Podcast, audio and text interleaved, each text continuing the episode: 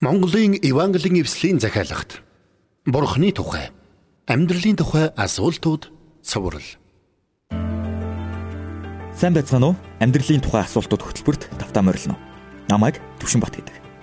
Энэхүү хөтөлбөр маань асуулт хариулт хэлбэрээр явагдах болно. Уг хөтөлбөрийн хүрээнд бид манай сонсогчдоос ирүүлсэн асуултуудад хариулт өгөх. Ингэхдээ бид Бурхны тухай, Есүсийн тухай, мөнхийн улсын тухай, залбирлын тухай гэх мэт бүхий сэдвээр тавигдсан асуултуудад илэн далангуй хариулах болно.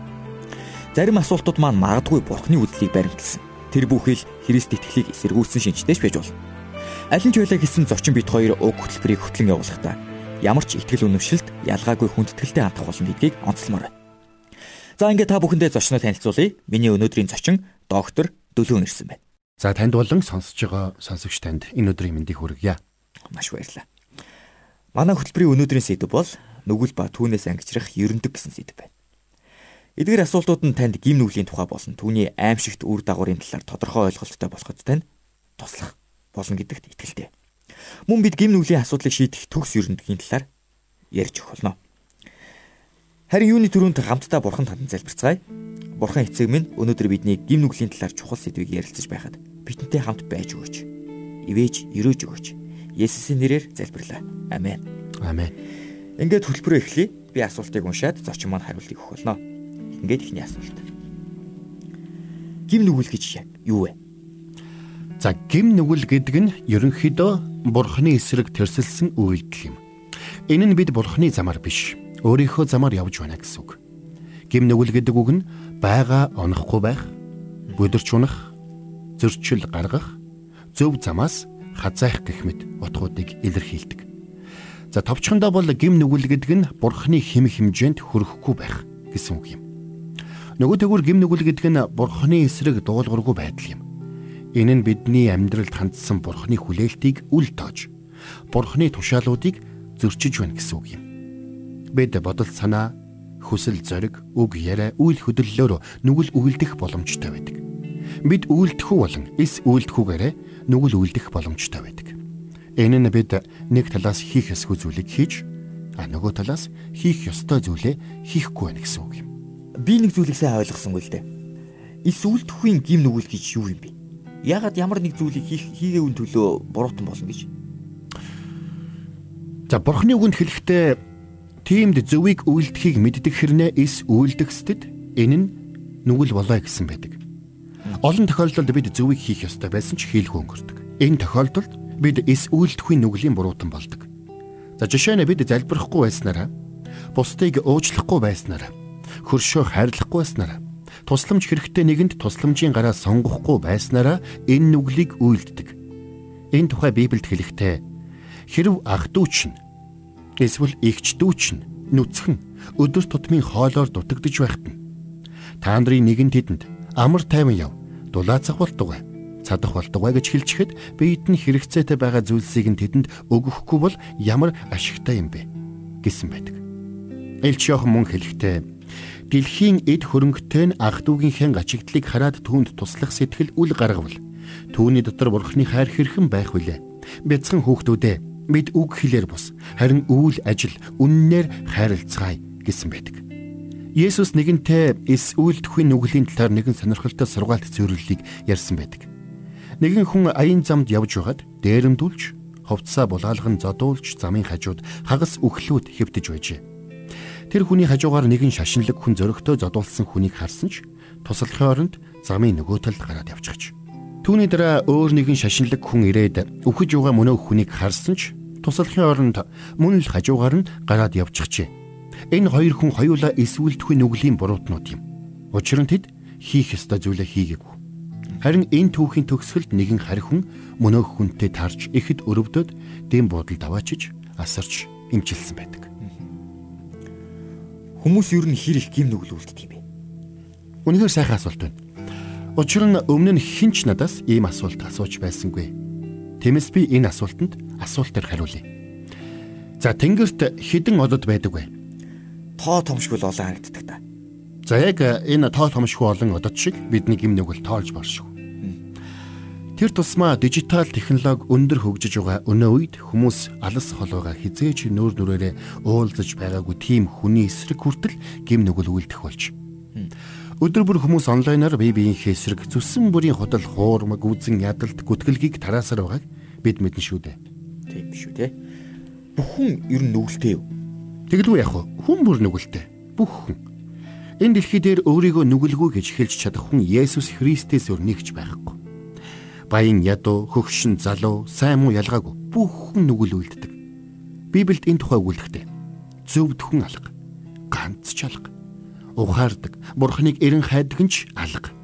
Бүгд гажиж, цөмөөрөө хэрэггүй болж сайныг үйлддэг нь алга, бүр ганц ч алга. Тэдний хоолой нь онгорхой бул шим. Тэд хилээрээ зулсарддаг. Тэдний уруулдор могоон хор байдаг. Тэдний аманд хараал болон гашуун үг дүүрэн аж гэсэн байдаг үлээ. Залуу хүмүүс ч сайн хүмүүс ч ялгаагүй нүгэл үлддэг гэж таны хэлж байгаатай манай нэг сонсогч санал нийлэхгүй. Яаж тийм зүйл байх юм бэ гэсэн. Гим нүгэл гэдэг нь бидний бодол санаа үйлдэлээс гадна бидний зүрхний нөхцөл байдал юм. Учир нь бид бүгд төрөлхийн гим нүгэлт мөн чанартай төрдөг. Бурхны үг болох Библиэд энэ тухай хэлэхдээ харагтун хилэнц тунд би төрсөн гэсэн байдаг. Мэдээж энэ нь хүүхэд төрүүлэх нь гим нүгэл гэсэн үг биш юм. Харин бид эхийн хөвлөгөөс мэдлэгтэй л гим нүгэлт мөн чанарыг тээж төрдөг гэсэн утгатай юм. Тиймээс та одоо миний хэлэх үгийг анхааралтай сонсоорой. Бид нүгэл үйлддэг учраас нүгэлтнүүд болдго юм бишээ. Харин нүгэлтнүүд учраас л нүгэл үйлддэг юм. Та ялгааг нь харж байна. Үүнийг бид сүүлээ шарвгануулж буй нохойтой зөвөрлж болох юм. Сүүлээ шарвгануулснараа тэр нохой болж байгаа юм биш. Харин нохой учраас сүүлээ шаргунуулж байгаа юм. Үүний нэгэн адил бид мөн чанарын хувьд ч нүгэлтнүүд, сонголтын хувьд ч нүгэлтнүүд юм. Бид төрөлхийн нүгэлт мөн чанартай байдаг гэдэгт итгэхэд бэрх юм. Бид ихийн хөвлөгөөс цэвэр хариунаар мэдлдэг биш үү? Харин хожим бидний буруу үйлдэлээр дамжуулдаг гим нүгэл бидний амьдралд орж ирдэг гэж би бас боддог байл байсан л да. Аа. За өөрийнхөө үзэл бодлыг хуваалцсанд баярлалаа. Тантай адилхан бодвол ихтгэл өнөмшөлтэй олон хүн бий. За сонирхолтой нь таныхтай адил ихтгэл өнөмшлийг заадаг байсан Пелагиус гэдэг нэгэн лам а манай эртний 5 дугаар зуунд амьдарч байж. Тэр хүн хүмүүсийг төрөлхийн нүгэлт мөн чанаргүй гэж үзэж байсан бөгөөд оогт нүгэл үлдэхгүйгээр амьдарч чадна гэж сургаж байсан. Тэр хүний сургаалыг пелагианизм гэж нэрлэдэг байсан. Гэвч чуулганы хэд хэдэн томоохон зөвлөлөөр уг сургаалыг алдаатай болохын нотолж гаж буруу сургаал хэмээн тооцсон байдаг. Учир нь Бурхны үг болох Библиэд хэлэхдээ нэг хүнээр ертөнцид нүглэн нүглээр үхлэн орж ирсэн байхад бүгд нүгэл үйлдэснээр үхлэн бүх хүнд иржээ гэсэн байдаг. Анхны хүн болох Адам Бурхны эсрэг нүгэл үйлдэснээр хүн төрлөختний амьдралд гим нүгэл орж ирсэн юм. Улмаар бүх хүн нүгэлтэй болж нүглийн төлөө сулах үхлийн шийтгэлийг хүртгсэд болсон юм. Үүнийг ойлгоход хэцүү боловч үний юм. Элч Паул энэ тухай бичгтээ. Та нар алдаа зөрчил нүглийнхээ учир үхсэн байсан гад тийм амьдрч байхдаа энэ ертөнцийн замнал ба агаарын хүчний ноёр хогч дуулуургүй хөвгүүдийн дотор ажиллагч тэр сүнсийг дагдаг байв. Тэдний дунд бид ч бас бүгдээрээ урд нь махбод болон оюун бодлын хүслүүдээ өөгшүүлэн махбодынхон хүсэл тачаалуудаар амьдарч байв. Мөн төрлөх байдлаараа бусдын адил өөр хилэнгэн хүртэх хүүхдүүд байсан гэсэн байдаг. Эндээс үзвэл бид мөн чанарын хувьд ч сонголтын хувьд ч гарцаа байхгүй нүгэлтнүүд юм. Тэгвэл бид бүгдээрээ нүгэлтэй юм байна. Гим нүгэлтэй байлаа гэд ямар нэгэн төлөөс төлөх шаардлагатай? Бид бүхэн гим нүглийнхээ төлөө заавал төлөөс төлөх шаардлагатай гэдгийг Бурхан тодорхой хэлсэн байдаг. Учир нь нүглийн шийтгэл нь үхэл юм.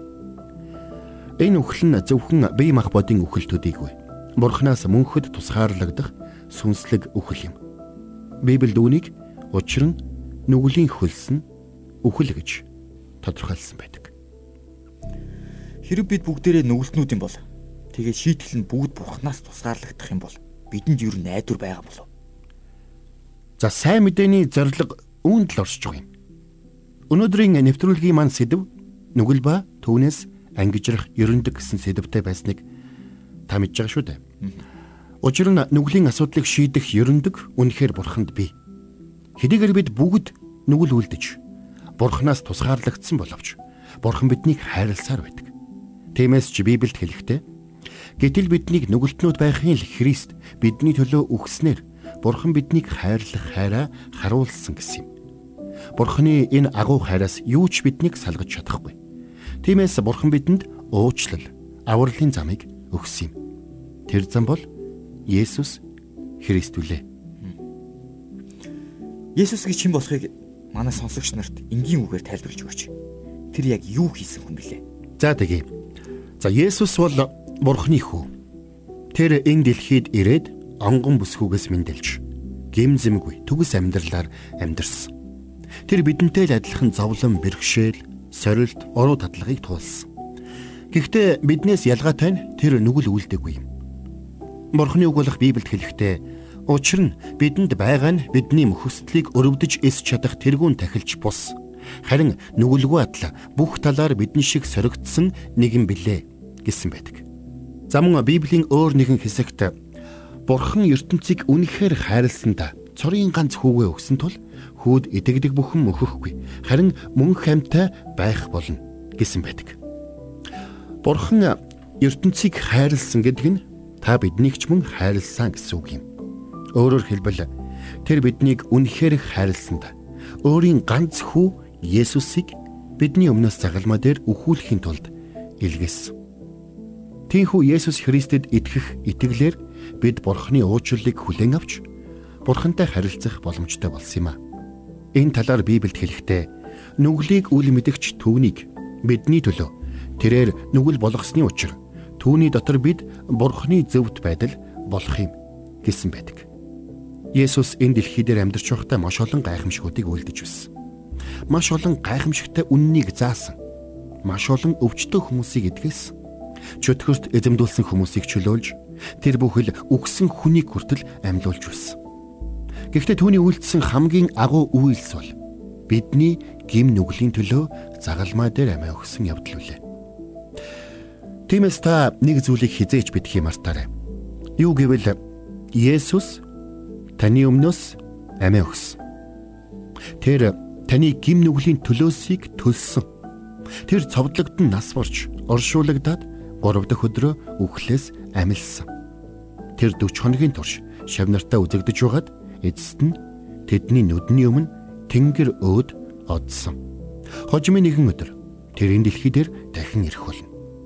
Есүс танд үнэхээр хайртай. Хэрвээ та түүнд итгэвэл тэр таны амьдралд орж таны аврагч эзэн болох болно. Яг энэ цаг мөчид Есүсийг амьдралдаа оруулж ирэхийг хүсэж байгаа сонсогч байж болох юм. Та тэдгээр сонсогч нарт маань Есүст итгэнэ гэж юу болох талаар мөн Есүст итгэж Есүсийн дагалдагч хэрхэн болох талаар та тайлбарлаж хэлж өгөөч. За би дуртай хэлж өгье. Гэхдээ таныг юу хийх ёстойг ч нь хэлж өгөхөөс өмнө таныг Есүс Христ рүү ирэхэд тань туслах хэд хэдэн чухал үннийг хэлж өгмөр байна. Нэгд Бурхан та биднийг үрдийн хайраар хайрлсан. Бурханы үгэнд хэлэхдээ Бурхан ертөнцийг үнэхээр хайрласандаа цорын ганц хүүгээ өгсөн тул хүүд итгэдэг бүхэн мөхөхгүй харин мөн хамтай байх болно гэсэн байдаг. Хоёрд харамсалтай нь бидний гимнүгэл биднийг Бурханаас тусгаарлсан. Библиэд энэ талаар хэлэхдээ бүгд нүгэл үлдсэн тул бурхны алдар сууд хүрдэггүй гэсэн байдаг. Бидний дунд гим нүгэлгүй хүн гэж нэгч үгүй. Гуравд гисэн ч бурхан биднийг хайрласаар л байдаг. Тэр зөвхт ариун бурхан биднийг хайрладаг учраас бидэнд гим нүглээ уулзлуулах арга замыг өгсөн. Тэр авралын зам бол Есүс Христ юм. Библиэд хэлэхдээ учир нь ганц бурхан байна. Мөн бурхан ба хүмүүсийн хоорондох ганц зууч хүмүүн болох Христ Есүс байна гэсэн байдаг. Дөрөвд Есүс Христ бидний гим нүглийн төлөө загалмаа дээр амиа өгсөн. Энэ тухай Бурхны үгэнд хэлэхдээ гэтэл биднийг нүгэлтнүүд байхын л Христ бидний төлөө өгснээр Бурхан биднийг хайрлах хайраа харуулсан гэсэн байдаг. Тэнхүү тэр бидний өмнөөс амиа өгсөн. Гэхдээ бүх зүйл үүгээр дуусаагүй. Тэр үхлээс амилсан бөгөөд мөнхийн мөнхөд амьд байна. Түүнд бидний амьдралд орж ирнэ. Бидний гимнүглийг уучлж, бидэнд мөнхийн авралыг өгөх хүч бий нүглийн уучлал болон мөнхийн амьдрал бол Бурханаас бидэнд өгсөн бэлэг юм. Бид энэ бэлгийг хүлээж авахын тулд ажиллаж хөдөлмөрлөх шаардлагагүй. Зүгээр л бэлэг хэмээн хүлээн авах л болно. Тавд Бид гим нүглийн уучлалыг болон мөнхийн амийг хүлээн авахын тулд гим нүглээсээ эргэж итгэл найдвараа Есүс Христэд тавин түүнийг аврагч эзнээ болгон хүлээн авах учиртай юм. Үүний тулд та түүнд хандан залбираарай. Бурхны үгэнд хэлэхдээ эзний нэрийг дууддаг бүхэн аврагдах болно гэсэн байдаг. Тиймээс энэ цагт Бурханд хандан би залбирая. Та миний залбирлыг анхааралтай сонсоорой. Тэгэд би залбирч дууссныхаа дараа дахиад нэг удаа өгүүлбэр бүрээр нь салган дахин залбирх болно. Та надтай хамт залбираарай. Бурхан минь ээ. Би гим нүглээсээ эргэж байна. Би Есүс Христэд итгэж түүнийг аврагч эзнээ болгон хүлээн авч байна. Энэ өдрөөс эхлэн би Есүсийг даган амьдрах болно. Баярлалаа. Эзэн Есүс ээ. Намайг хайрлаж миний амьдралд ирсэн танд талархъя. Амен. Одоо хамтдаа залбирцгаая. Би нэг өгүүлбэр хэлээд түр саадах болно.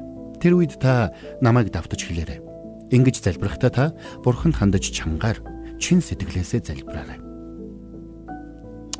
Бурхан минь ээ. Би гим нүглээсээ эргэж байна. Би Есүс Христэд итгэж түүнийг аврагч эзнээ болгон хүлээн авч байна. Энэ өдрөөс эхлээд би Есүсийг л даган амьдрах болно. Баярлалаа. Эзэн Есүс ээ. Намайг хайрлаж миний амьдралд ирсэн танд талархъя. Амен. Энэ онцгой залбирлыг хамт хийсэн танд баярлалаа. Бурхны гэр бүлд тавтаа морилно. Тавтаа морилно гэж хэлээ. Есүст итгэж болсон хүмүүс цаашид хэрхэн амьдрах ёстой вэ? Маш чухал асуултыг асуусан танд баярлалаа. Бид Есүс Христийг аврагчаа болгон хүлээн авна гэдг нь түүнийг даган амьдрах шийдвэр гаргаж байна гэсэн үг. Бид түүнд итгэсэн мөчид гим нүглийн уучлалыг болоод мөн хамиг бурхнаас хүлээн авдаг. Түүгээр зогсохгүй ариун сүнс бидний дотор нутгалж бидний өдөр тутмын амьдралд бидэнд тусалж эхэлдэг. Учир нь бурхан биднийг Есүс Христэд итгэх итгэл дотор ямагт өсөж байгаасаа гэж хүсдэг. Христэд итгэгч бидний хувьд итгэлээр өсөх нэгэн чухал арга зам бол залбирал юм бид залбирлаар дамжуулж Бурхантай өдөр бүр ярилцаж ивэл өрөөлүүдийн төлөө түүнд талархдаг байх учиртай. Бас бид буруу зүйл хийх үед Бурхны өмнө гимшин залбирдаг байх хэрэгтэй. Түүгээр зогсохгүй бид найз нөхөд гэр бүлийнхнээ Христийн дагалдагчд болохын төлөө залбирэн гуйдаг байх учиртай. Цаашилбал бид өдөр тутмын амьдралдаа мэрэгэн өдөрдөмж чиглүүлгийг авахын тулд Бурханаас асуун залбирдаг байх хэрэгтэй юм. Христэд итгэгч болсон хүмүүс итгэлээр өсч төлөвшөх өөр нэгэн чухал арга зам бол өдөр бүр Бурхны үг болох Библийг унших явдал юм. Залбирх үедээ бид Бурханд хандан үгээ хэлж байдаг бол Библийн үгийг унших үед Библийн үгсээр дамжуулан Бурхан бидэнтэй ярилцаж байдаг. Бурхны үг биднийг итгэлээ өсгөхөд туслаа зогсохгүй. Өдөр тутмын амьдралдаа хэрхэн зөв амьдрах заавар зөвлөгөөг бидэнд өгч байдаг. Тиймээс Библийн үгээс хэсэгхнийг уншиж мөн бурханд хандан залбирснаар өглөө бүрийг эхлүүлэх нь итгэгч хүний хувьд хамгийн зөв алхам юм шүү. Бид Есүст итгэж болсныхоо төлөө хавчигдан гадуурхах тухал уу? Үннийг хэлэхэд та Христэд итгэснээсээ болоод хавчигдан гадуурхагдах магадлал маш өндөр юм. Есүсийг даган амьдрна гэдэг үнэндээ амаргүй. Есүсийг дагсныхаа төлөө хавчигдан гадуурхагдах нь инүүхэнд. Есүс өөрөө ч Тэд намайг хавчсан бол та нарыг бас хавчих болно хэмээн хэлсэн байдаг. Тиймээс биднийг Есүст итгэж түүнийг дагсны төлөө хэн нэгэн хавчин гадуурхвал бид гайхах хэрэггүй. Гэхдээ эзэн Есүс өөрөө бидэнд ийхүү сануулсан байдаг. Зөвхт байдлын төлөө хавчигдахсад ерөөлтэйе. Тэнгэрийн хаанчлал тэднийх юм. Надаас болж та нарыг хүмүүс доромжилж, хавчиж, та нарын эсрэг зүсэн бүрийн ёрын юм худлаар ярихад та нар ерөөлтэйе Тэнгэр дэх шагналч нь агуу учир баярлцгаа. Мөн хөөрөн баясацгаа. Учир нь та нараас өмнө байсан иш үзүүлэгчдийг тэд ийхүү хавчсан юм. Хэдийгээр биднийг итгэлийн маань улмаас хавчин гадуурхаж болгоч. Есүсийг даган амьдарч буй бидний амьдралд хайр болон уучлал ноёрхож байх учиртай. Тиймээс ч эзэн Есүс бидэнд би та нарт хэлье. Дайснуудаа хайрл. Та нарыг хавчигчдын төлөө залбир. Химэн сануулсан юм. Есүс өөрөө загалмаа дээр амьсгал хурааж багтаж Аава тэднийг уучлаач. Учир нь тэд юу хийж байгаагаа мэдэхгүй байна хэмээн залбирч байсан.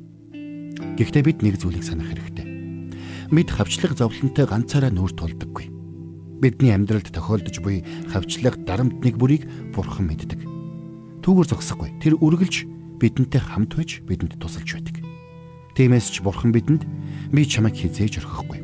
Мөн чамайг хаяхгүй гэж амласан. Бидний амьдралд буй түүний амьд оршихуйн улмаас бид итгэлтэйгээр эзэн миний туслагч би айхгүй. Хэн надад юу хийж чадах вэ хэмээн тунхаглаж чадна. Тиймээс Есүсийг даган амьдрах итгэлийн амьдралын чинь өдөр хоног нэг бүрийг Бурхан ивэж өрөх болтугай. Маш баярлалаа. Баярлалаа.